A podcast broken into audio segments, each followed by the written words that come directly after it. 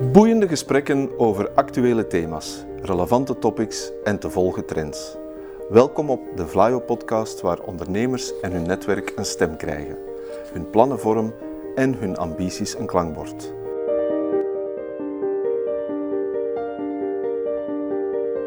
To the point waar het kan, dieper gravend waar het moet. Inspirerend, informerend, ondersteunend. Van artificial intelligence, blockchain en circulaire economie tot digitale zorg. Wij knopen het in jouw oren.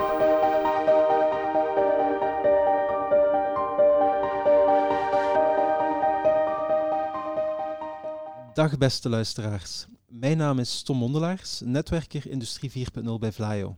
En het is niet toevallig dat ik hier zit, want we gaan het vandaag hebben over smart maintenance. En dat is precies een van de belangrijke trends die zich aandienen in het kielzog van de overgang naar Industrie 4.0. Met Industrie 4.0 bedoelen we eigenlijk de vierde fase van industriële ontwikkeling, waarin connectiviteit, digitalisering en het gebruik van data centraal staan. Dat biedt tal van nieuwe mogelijkheden voor productiebedrijven. Niet in het minst op het vlak van onderhoud. Bijvoorbeeld, door machines uit te rusten met sensoren kan je de toestand van belangrijke onderdelen permanent monitoren, zodat je op elk moment weet wat de status van een bepaalde machine is en of het misschien tijd is voor een onderhoudsbeurt. Meer zelfs, als je langere tijd data verzamelt, is het op de duur zelfs mogelijk om aan predictief onderhoud te gaan doen, voorspellend als het ware. Smart maintenance. Klinkt aantrekkelijk en het biedt bedrijven onmiskenbaar een pak voordelen. Maar in de praktijk is het natuurlijk gemakkelijker gezegd dan gedaan. Daarom zit ik hier vandaag aan tafel met drie specialisten op het vlak van onderhoud en het digitaliseren van machineparken. Heren, goedemiddag. Laten we jullie eerst eens even voorstellen um, aan het publiek.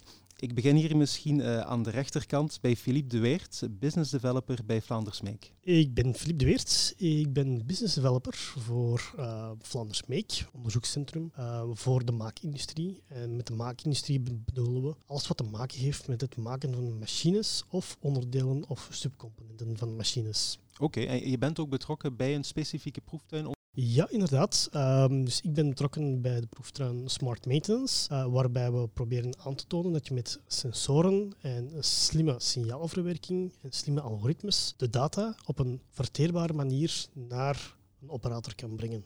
Oké, daar gaan we zo meteen dieper op in. Ik ga nu eerst even eh, naar Ulrich Zeldeslags van Trif.be. Goedemorgen Tom. Dag Ulrich. Vertel eens, wat is jouw rol bij Trif en hoe ben jij ook verbonden aan een Industrie 4.0 proeftuin? Wij zijn uh, vanuit uh, Trif.be, is een, uh, een, project dat gestart is een vijftal jaar geleden. is een initiatief dat gestart is vanuit ELSEC, een activiteit die eerder werkt rond cybersecurity. Vanuit de uitdaging cybersecurity zagen we de ontwikkelingen van uh, Industrie 4 uh, op ons afkomen en hebben we een voorstel uh, uitgebouwd om wat meer actief te gaan werken rond cybersecurity, ook voor Industrie 4.0 toepassingen. Mm -hmm. Bij de ontwikkelingen van die activiteiten zagen we dat er een nood was bij de bedrijven waar dat we langskwamen om concreet te kunnen aantonen wat Industrie 4 nu precies betekende. En we zijn dan gestart met een proeftuin uit te werken rond ja. condition-based maintenance ja, ja, en dan een dataspace. Daar gaan we dadelijk ook verder op in. Uh, dan onze laatste gast vandaag, Mark Versteijen, professor aan de KU Leuven. Uh, ik ben prof uh, voor het departement werktuigkunde aan de KU Leuven, uh, voor het vakgebied mechatronica. Ik werk rond optimaal en decentraal aansturen van machines en groepen van machines binnen een industrie 4.0 context. Ik ben projectleider, samen met de mensen van Flanders Make en de Universiteit Gent, van de Industrie 4.0 proeftuin Machine Upgrading. Ja, dus aan de ene kant houdt Industrie 4.0 een aantal beloftes in, maar aan de andere kant hebben we natuurlijk eenmaal dat huidige historische machinepark dat we niet in 1, 2, 3 gaan vervangen. Goed, jullie hebben daar net mijn intro gehoord hè, over smart maintenance. Toch ga ik de vraag nog eens aan jullie stellen, de specialisten op dit vlak. Wat is smart maintenance eigenlijk? Hoi Tom, ik denk dat je het uh, perfect hebt uh, geformuleerd. Dankjewel. Gezegd, uh, eigenlijk gaan we bij smart maintenance uit van, zoals het woord zelf zegt, de maintenance. Dus het onderhoud van machines, machineparken. Eigenlijk de dagelijkse activiteiten die verlopen in een, in productieomgeving. En door het smart te maken. En de smartness, dus de slimheid van maintenance in dit geval, komt eigenlijk voort uit het slim gebruiken van gegevens die dat de machines zelf produceren. En heel vaak, tot nog toe, en dat is eigenlijk een stukje de revolutie hier, zijn die machines uh, uh, vanuit een automatiseringswereld uh, naar boven gekomen. Die zijn daar jaren al actief geweest. Maar men had nooit eigenlijk de, de manieren gevonden om die op een degelijke manier te kunnen gaan beheren. En dan is men eerst beginnen denken, oké, okay, kunnen we dat niet preventief doen? Maar de dag nadien kan er nog altijd iets fout lopen. Ja. En dan Ja. ben je er aan voor de moeite van het preventieve onderhoud. Ja. Nee, goed, Filip. Kan je daarbij aansluiten bij wat Ulrich zegt? Ja, zeker. Eh kan ik daarbij aansluiten. Ehm, het gaat hem niet alleen over de juiste sensoren die moeten geconnecteerd worden en de data die eh, moet gecapteerd worden, maar het ook het verwerken van de data zelf in een vorm waarbij er actie kan worden ondernomen. Daarnaast connectiviteit van deze sensoren. Soms zitten er reeds op de machine, misschien niet onmiddellijk uitleesbaar. Uh, soms zitten er geen op deze machine en moeten erbij aangebracht worden. Het voordeel daarvan is dat je de conditie van de machine gaat kunnen bekijken. Dus hoe gedraagt de machine zich in zijn geheel? Uh, en niet alleen naar bepaalde onderdelen voor preventief onderhoud gaat kijken. Waardoor dat je eigenlijk gaat proberen te optimaliseren. Dus het oude manier van werken, namelijk het preventief onderhouden, waarbij je denkt dat er iets mis kan gaan, iets onderhouden. Uh, terwijl dat je bij condition-based onderhoud eigenlijk meer gaat kijken naar hoe kan ik dat ook optimaliseren, hoe kan ik gebruik maken van data door te weten waar ik eigenlijk iets ga moeten onderhouden.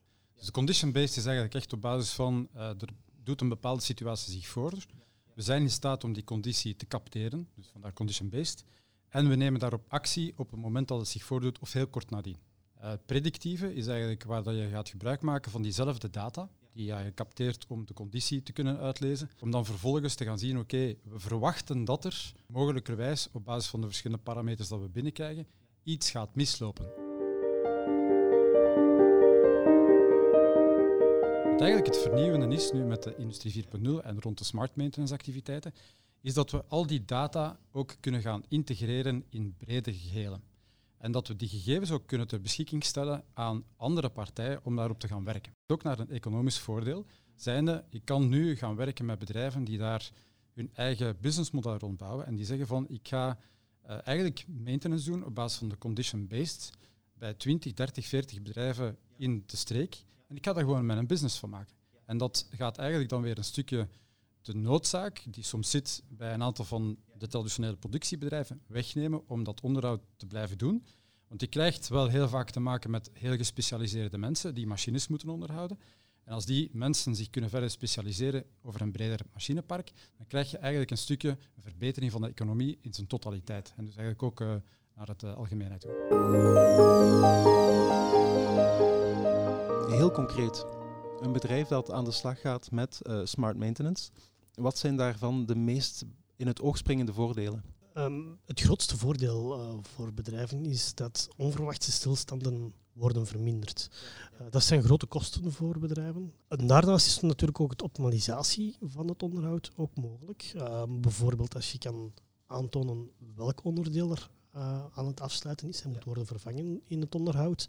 Dat heeft zijn voordelen naar ook stokbeheer, naar logistiek beheer enzovoorts. Ik denk dat dat niet te onderschatten is. In heel veel productieomgevingen waar we komen, zien we dat er twee, drie, vier verschillende grote stukken machine ter vervanging klaar liggen in de voorraad. Okay. Moest een van de grote, cruciale machines het begeven, als je dat kan beperken tot misschien één machine, dat je een snelinterventie kan doen, dan ga je de kost van die voorraden uh, danig kunnen reduceren en eigenlijk een optimalisatie doen van de economische realiteit van een bedrijfsvoering in zijn totaliteit.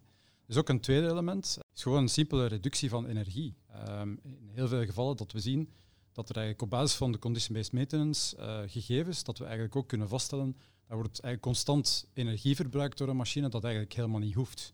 Okay. Dus kunnen we daar iets aan doen? Om omdat ze versleten is of omdat er een onderdeel defect is? Of hoe moet ik dat uh, dat, dat kan op verschillende manieren zich voordoen. Okay. Ik, ik, kan, ik, kan, straks even een toelichting geven bij een case op basis van compressor. Uh, dus heel veel van die compressoren die, die gaan gewoon regelmatig eens aangaan. Niet zozeer omdat het luchtvat al leeg zou zijn, maar gewoon om zichzelf te onderhouden op het vlak van olie. Maar dat hoeft niet altijd. Okay, ja, ja, ja. En dus eigenlijk uh, kunnen we soms kostenreducties bekomen van 40% alleen maar op een compressor. Nee, goed. Um, nu, als ik al die voordelen hier hoor, hè, met name op het vlak van kosten, dan zou ik denken, per definitie voor elk bedrijf in de in industrie is smart maintenance wel interessant. Of zien jullie specifieke doelgroepen, specifieke sectoren waar het vooral, um, ja, waar het laaghangend fruit, met andere woorden, het, het, het, het meest aanwezig is? Ja, Ulrich. Is het voor elk bedrijf van toepassing? Uh, zonder enige twijfel. Ik, ik, gaf net het voorbeeld van de compressor. Uh, ik denk als eender welk bedrijf gaat kijken welke machines dat ze hebben en hoeveel dat ze eigenlijk spenderen aan het jaarlijks onderhoud van die machines, of uh, als er iets fout loopt om de kosten te gaan dekken, en dat, die kunnen echt soms oplopen in de tienduizenden, twintigduizenden euro's, gewoon een kwestie als een machine uitvalt. En dan is het niet alleen op het vlak van de machine, maar natuurlijk ook op het vlak van de economische inactiviteit van de organisatie zelf. Mag ik? Ik kan dat zeker beamen. Uh, dat is inderdaad de grote stap die over de laatste jaren is gezet. Door dat delen van data is aan de ene kant de schatters die de huidige of die de slijtagetoestand van die machines schatten voor condition-based monitoring uh, heel pak verbeterd. En ook de predictors die het uh, slijtagetoestand van machine voorspellen in de toekomst voor predictief gebaseerd onderhoud ook heel pak verbeterd. Uh, dit zijn al, dat zijn algoritmes natuurlijk, die schatters, die modellen, die dan inge, ingebouwd worden door integratoren, door mensen die rond ehm, maintenance bezig zijn, vertaald worden naar, ehm, naar, een industriële praktijk. Maar, maar, ook daar weer, de kracht van Industrie 4 is dat je nu kan gaan werken met de kracht van die sterkere predictors. Dus we hebben al veel betere analyse-skills, we hebben ook veel betere zijn de sensoren om te kunnen capteren wat dat er precies de finesses zijn. Maar opnieuw, daar de kracht van Industrie 4 is, door gebruik te maken van data uit andere omgevingen, van diezelfde sensoren, kunnen we veel beter gaan vernauwen en gaan verfijnen wat een bepaalde sensor moet opmeten en hoe dat we de analyses van die sensoren moeten kunnen realiseren. Oké, nee, goed. Filip? Er zijn nog wel meer aspecten daaraan natuurlijk. Um, rekenkracht is gemakkelijker beschikbaar geworden. Uh, opslag van data en beschikbaarheid van data is ook veel gemakkelijker beschikbaar ja, geworden. Daarnaast zijn veel van die sensoren ook goedkoper geworden. Um, wat ook natuurlijk meespeelt uh, als je zo'n toestel wil uitrusten met sensoren. Dus er zijn een hele samenloop van omstandigheden waardoor dat eigenlijk het conditioneel onderhoud nu gemakkelijker kan gedaan worden, ook gemakkelijker beschikbaar wordt voor uh, mensen en bedrijven.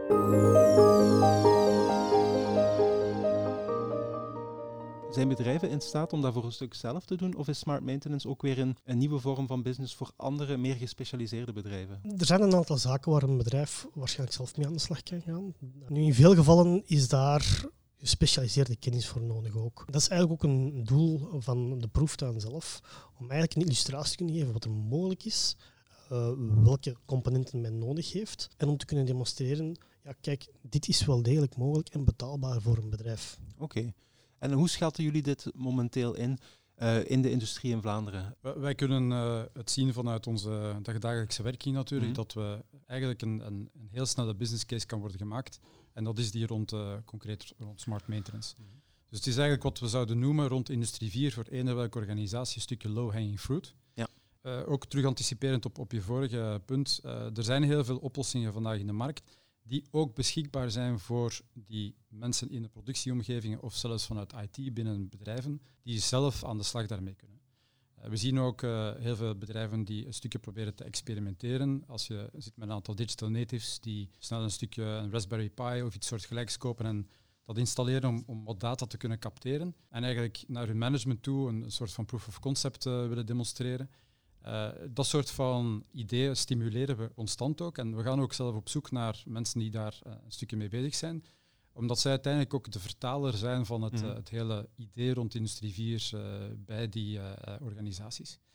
los daarvan zien we nu meer en meer pakketten ook ontstaan, waarbij dat een integratie komt van zeer gespecialiseerde sensoren, industrial IoT, met dan een pakket rond uh, analytics erbovenop, dat eigenlijk ook in een vorm van een servicemodel wordt aangeboden. Dus die pakketten uh, gaat ook de kost verlagen om initiële investeringen te doen. En dat is natuurlijk ook weer een belangrijk punt hier. Uh, dat is dat heel veel bedrijven die zien er soms tegenop om een initiële investering te maken van misschien een paar tienduizend euro's. Dat hoeft ook vandaag niet meer. En dus als je al die verschillende barrières kan gaan wegnemen, dan gaat dat natuurlijk de adoptiegraad verhogen. en dat zien we nu echt bij die bedrijven, dat ze meer en meer ook daar, daar zicht in beginnen okay. Mark, hoe schat jij dat momenteel in? Ik denk dat de hindernissen op dit moment niet eh, de algoritmes zijn of de beschikbaarheid van sensoren, die zijn allemaal heel goedkoop, maar de vaardigheden ontbreken uh, in veel bedrijven, denk ik. De kennis van de, van de, medewerkers. De kennis van de medewerkers, de vaardigheden van de medewerkers, om er eigenlijk uh, zelf snel mee aan de slag te gaan. Ik denk dat er inderdaad een, een opening is voor nieuwe zakenmodellen, nieuwe kleinere bedrijven die erop kunnen inspelen. Of uh, grotere spelers die vanuit het automatiseringsgebeuren een zakenmodel kunnen uitbreiden. Oké. Er zit nog een, denk ik, een, een, onbekendheid in bij veel bedrijfsleiders. Hun vraag is natuurlijk altijd, ja, in wat moeten we nu juist gaan investeren? Welk platform gaat er de standaard worden in de industrie bijvoorbeeld? Welke sensoren moeten we eigenlijk juist hebben? En er is een beetje uh, angst misschien wel om te investeren in technologie die misschien niet helemaal de juiste gaat zijn. Um, en daar is om een vraag rond en daar die natuurlijk ook proeftuinen rond om dat te kunnen illustreren. Dus bedrijven met concrete vragen over welke technologieën zijn interessant voor onze situatie, die kunnen eigenlijk bij jullie terecht voor een technologieoverzicht, voor tips en, en, en tricks wat dat betreft. Inderdaad, ja.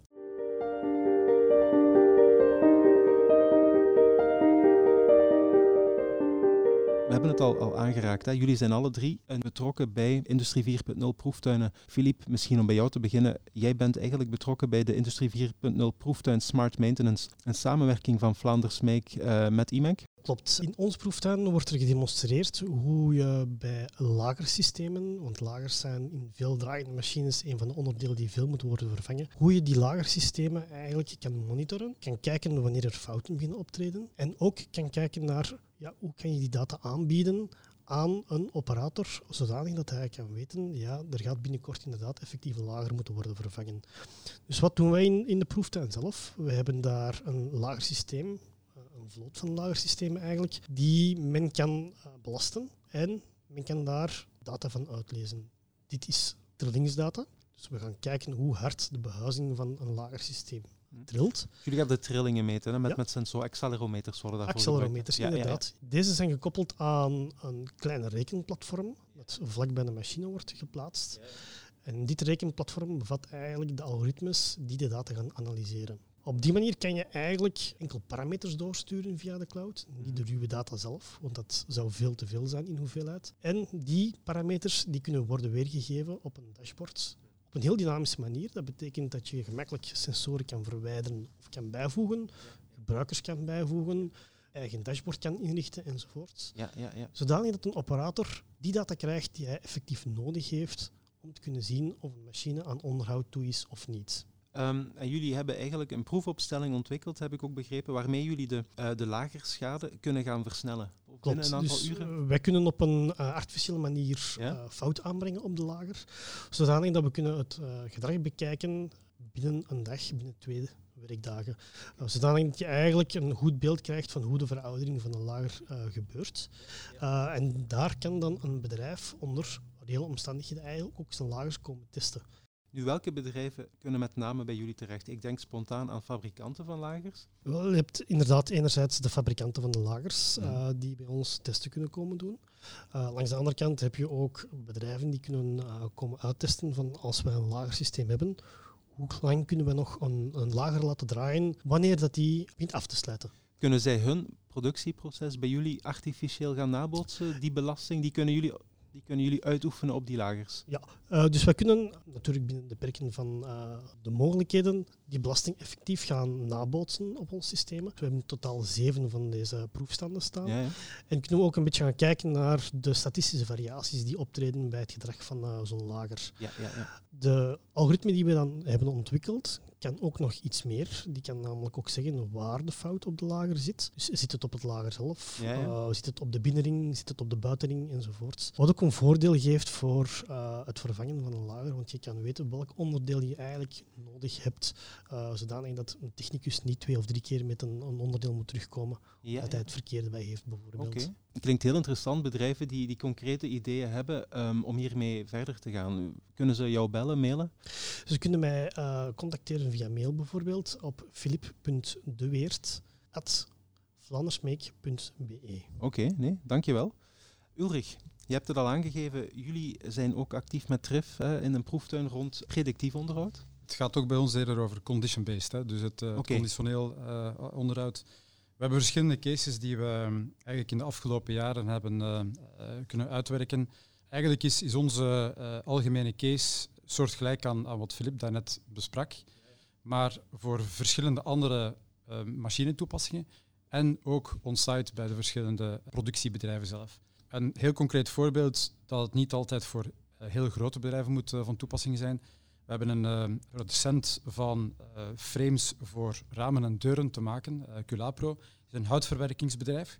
Zij werken eigenlijk op een heel traditionele manier met machines die 20, 30 jaar oud zijn. daar hebben we hen eigenlijk geholpen met een stukje het automatiseren en het digitaliseren van de hele productieflow. Um, dus dat was eigenlijk al een, een, eerste stap dat we daar gedaan hebben.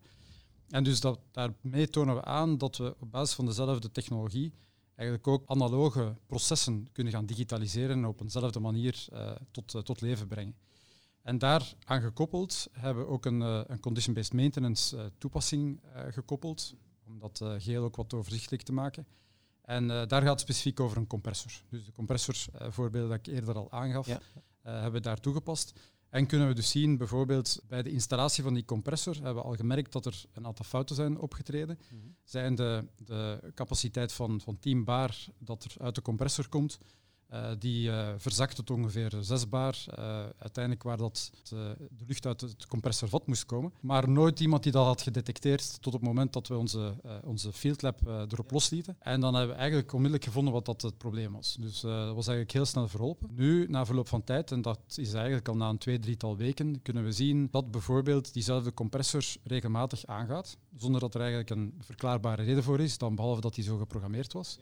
Dus zijn we erin geslaagd ook om dat energieverbruik te gaan beperken en eigenlijk op die manier alweer te kunnen gaan optimaliseren. Ja, nu vraag je, want jullie hebben, je hebt het al gehad hè, over die um, mobiele testopstelling. Jullie komen binnen bij een bedrijf. En een van jullie technici gaat daar aan de slag, die gaat sensoren integreren in een machinepark.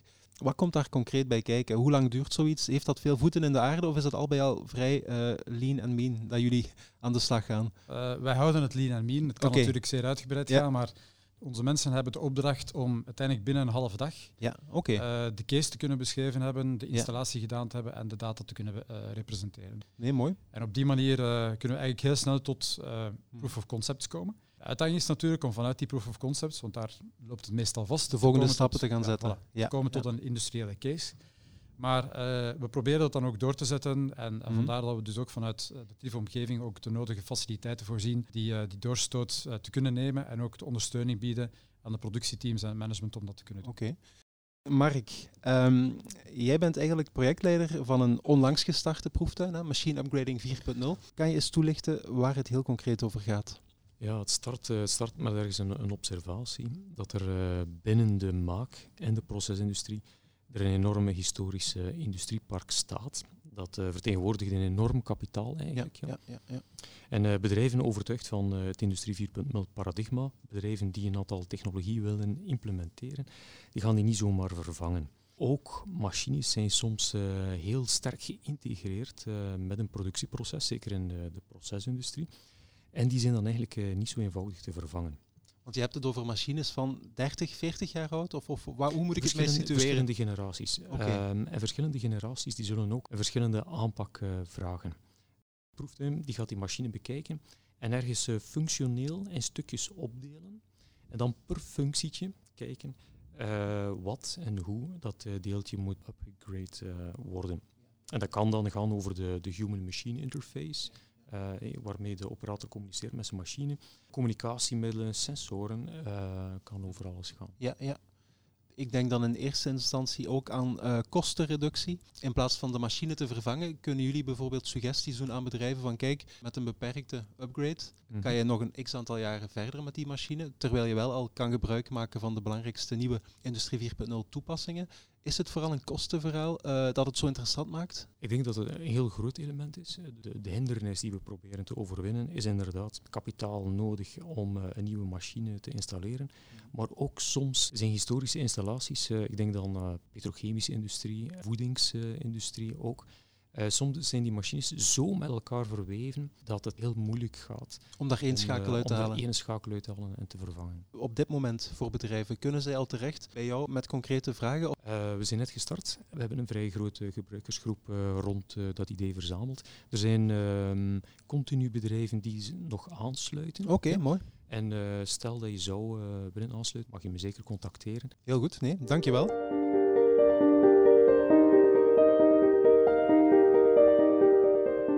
Um, heren, afrondend zou ik nog aan jullie willen vragen of jullie rond smart maintenance bepaalde ideeën of concrete tips hebben voor bedrijven die, die nu luisteren en die hun onderhoud willen gaan optimaliseren.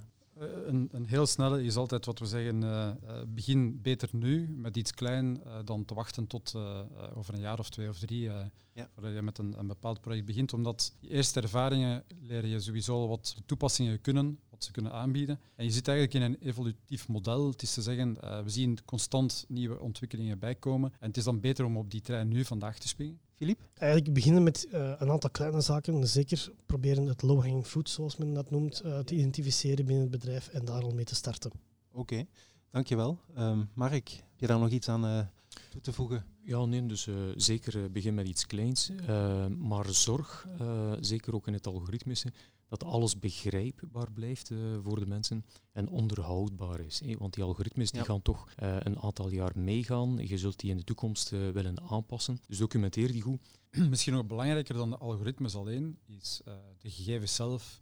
Probeer die zo goed mogelijk te normaliseren, zoals wij dat dan noemen.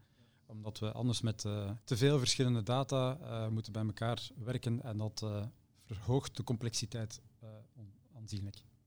Goed, dankjewel. Daarmee um, zijn we op het einde gekomen van deze podcast. Ik wil jullie allemaal bedanken voor jullie aanwezigheid en voor jullie mooie bijdrage. Bedankt. Graag alsjeblieft. Dank u. Is je interesse in smart maintenance hiermee gewekt? Bekijk dan het hele dossier op onze website industrie40vlaanderen.be. Je vindt er ook deze podcast inclusief alle contactgegevens. Tot een volgende keer. Thank you.